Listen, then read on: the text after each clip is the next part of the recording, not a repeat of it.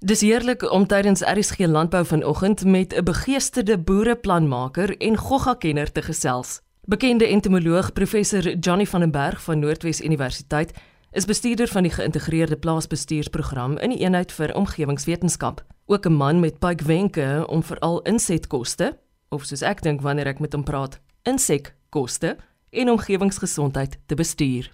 Ek het nou so 35 jaar ondervinding in plaagbestuur grootliks maar op graangewasse en op insekdoder weerstandsbestuur en veral op die bestuur van weerstandsontwikkeling van teikenplaag en dan doen ek natuurlik 'n klomp kapasiteitsontwikkeling met nagraadse studente. Jy het al 'n lekker lang landboupad gestap. Ek wonder waar het dit vir jou destyds begin? Was dit iets wat jy nog altyd wou doen? Was dit iets wat nog altyd jou belangstelling geprikkel het? Eloise, die eerste landbou blootstelling wat ek gehad het en insek blootstelling want ek is 'n entomoloog in Murgenbeen was uit landbou weekblad uit toe ek 'n kleuter was.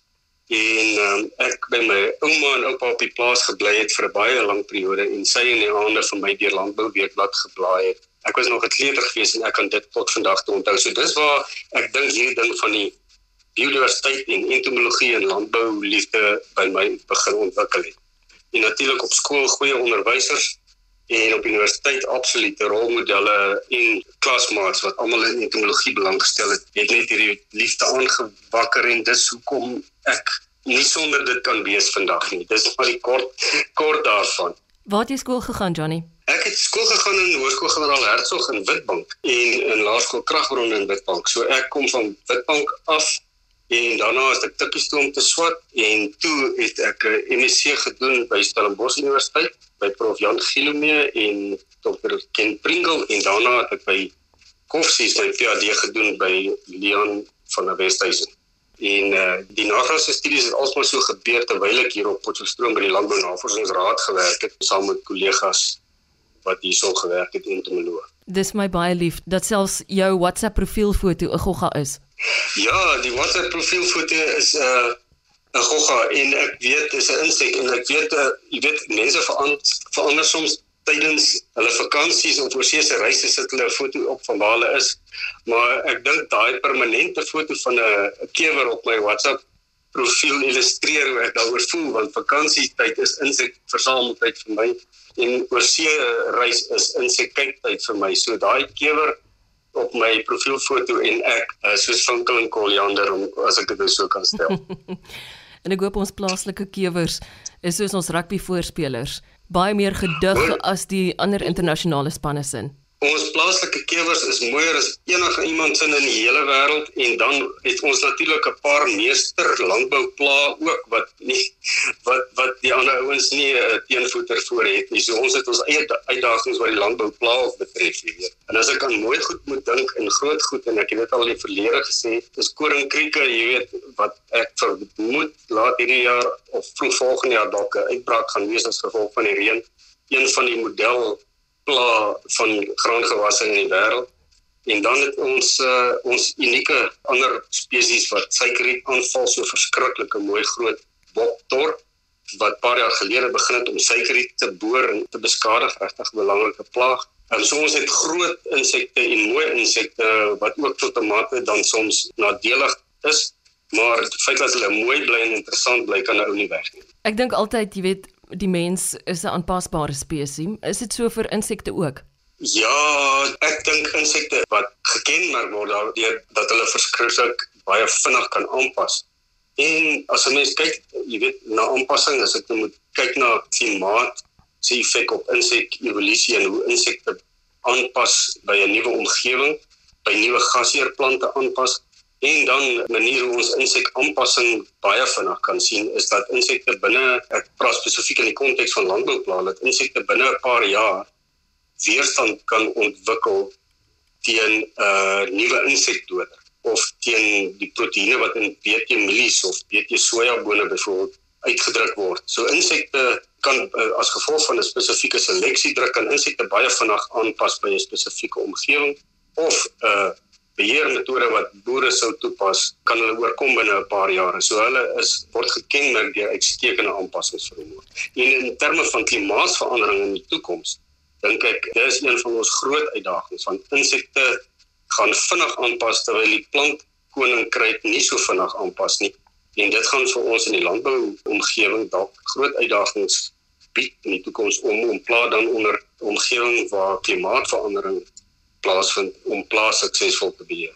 Ek wil baie graag nog daarby uitkom. Ek wil net sê dit is jaarliks vir my baie interessant om die studente te sien by die voedselwetenskap departement aan die Universiteit van Stellenbosch wat meer en meer hulle aandag daaraan toespits om insekte te gebruik as 'n alternatiewe proteïenbron. Ja, dit is 'n baie interessante veld en weet jy 'n ou vriend van my, hy het nou al lank al afgetree, oom Arnold van Huys, 'n Nederlander.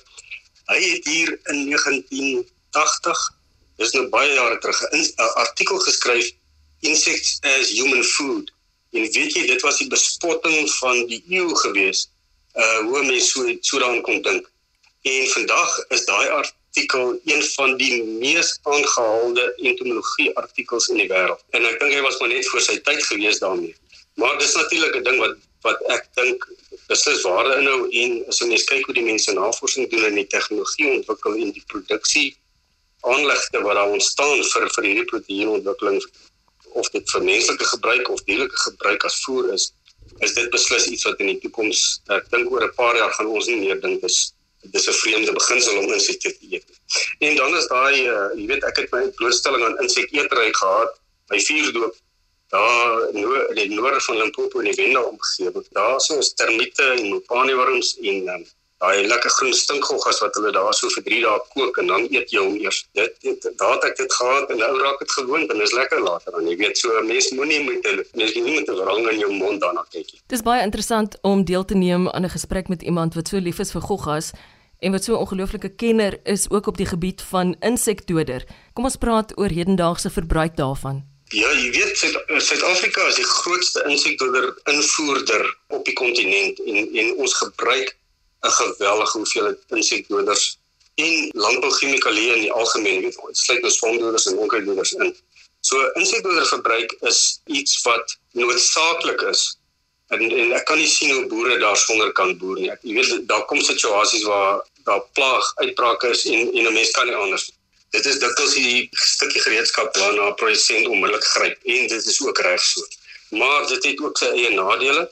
En dit is hoekom ons as entomoloë in terme van 'n geïntegreerde plaagbestuurs benadering net altyd bepleit ons besef insekdoders gee vinnige antwoord of oplossing vir die probleem maar ons bepleit altyd dat daar net ernstig nagedink word voordat 'n chemiese deurbespuiting toegepas word. Ehm um, jy weet dit is een van die insek uh, plaagbestuur uh, gebeur altyd nadat boere reeds die gewasse gevestig het. So die saad en bemesting en bewerkingskoste om die gewas in die grond te kry is reeds aangegaan en dit tamelik dis konstante kostes daai die boer kan nie daan regtig verander nie. So insetkoste in terme van plaagbeheer is een van die plekke waar uh, 'n uh, produsent kan spaar. En die manier om dit te doen is om ernstig te oorweeg voordat jy spuit. En dit beteken dat 'n mens moet kyk na aksiedrumpels, jy weet, is daar regtig genoeg van die plaag op op 'n area teenwoordig of dit nou tomaties of mielies of koring is uh of sitrus voordat jy spuit. Is die ekonomiese drempelwaardes oorskry. En saam met dit as jy nie sou spuit nie of nie onnodig sou spuit nie, help jy die omgewing om gesond te word en dis waaroor herlewingslandbou op die oomblik gaan. So dis 'n komplekse ekologiese stelsel wat bestuur word deur boere. Ek dink net ons sien dit altyd so nie, maar dis presies wat wat wat daar op 'n plaas gebeur en die stelsel word net meer kompleks as herlewingslandbou met dekgewasse uh, gedoen word en as daar baie organiese materiaal in die grond is wat mikrobes en insekte bevoordeel en hulle getalle laat toeneem.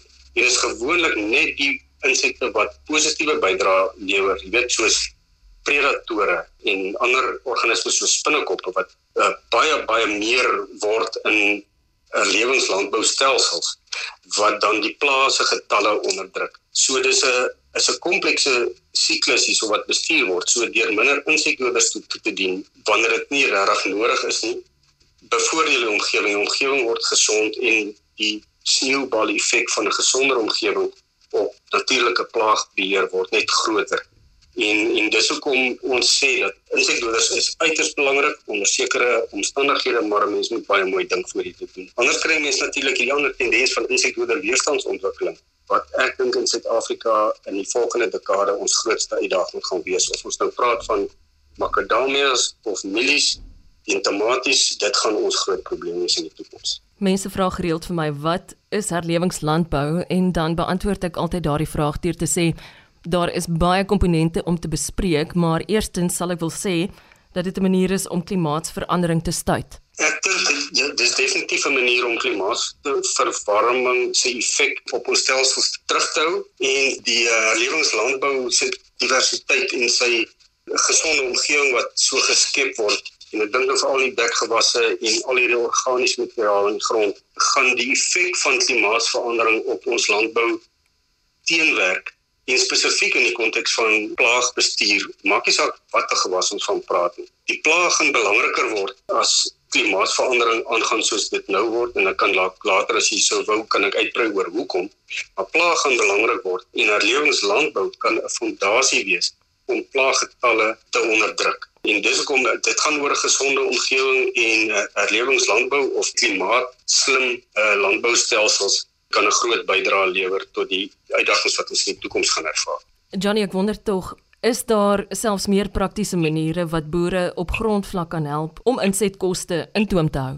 Prakties gewys is natuurlik heel eerstens die, om insetkoste af te bring is om om minder insekdoders te gebruik, omdat ek so sien slegs wanneer dit regtig nodig is. 'n uh, ander manier om insekposte wat insekdoor weer uh, af te bring is om mooi te dink of jy regtig 'n uh, geneties gemodifiseerde mieliekultivar nodig het want die saad is baie duurder. So dit is daai direkte insekkoste. Daar is voorbeelde van klimaatslim landboustelsels uh, in ander dele van van Afrika en ek wil begin deur die een te gebruik wat ek nou al van 1993 af betrokke by is in Kenia weet daarso en dit is nou al 'n wêreldberoemde klimaatslim landboustelsel wat hulle daar ontwikkel het. As ek dit in Afrikaans kan uitdruk, is die stoot en trek stelsel. Maar ons moet liewers maar praat van push and pull wat klein boere gebruik. En ek praat van boere van 'n hektaar of half hektaar. Daar's 'n paar honderd duisend klein boere in Kenia, Uganda, Ethiopië en lande rondom die mere in Oos-Afrika wat hierdie stelsel beoefen waar hulle nypergras of olifantsgras rondom hulle landerye plant met 'n desmodium voergewas as 'n tussenverboude gewas. En daai mense doen nie meer stamrisper of herskomando wurm wat nie tussen Afrika beheer nie. Die natuurlike stelsel beheer daai plaag. So dit is in in 'n klein boer konteks. Maar jy weet in in in Suider-Afrika met ons groot boere met groot landerye is dit moeilik om sulke tegnologie toe te pas. Maar ek wil tog 'n voorbeeld uitsonder. Jy weet uh, Mount Edgecombe se mense Sasri, die Suid-Afrikaanse suikerriet navorsingsinstituut, 'n uh, kollega van my daar, Des Conlon, het 'n stelsel ontwikkel gebaseer op hierdie push-pull stelsel wat in Oos-Afrika ontwikkel is vir Eldana wat suikerriet se belangrikste plaag is. En die stelsel wat hulle daar in 'n in 'n paar boere het begin doen met groot sukses in in KwaZulu-Natal, het hulle die vlei landplante wat die oorspronklike bron is van Eldana.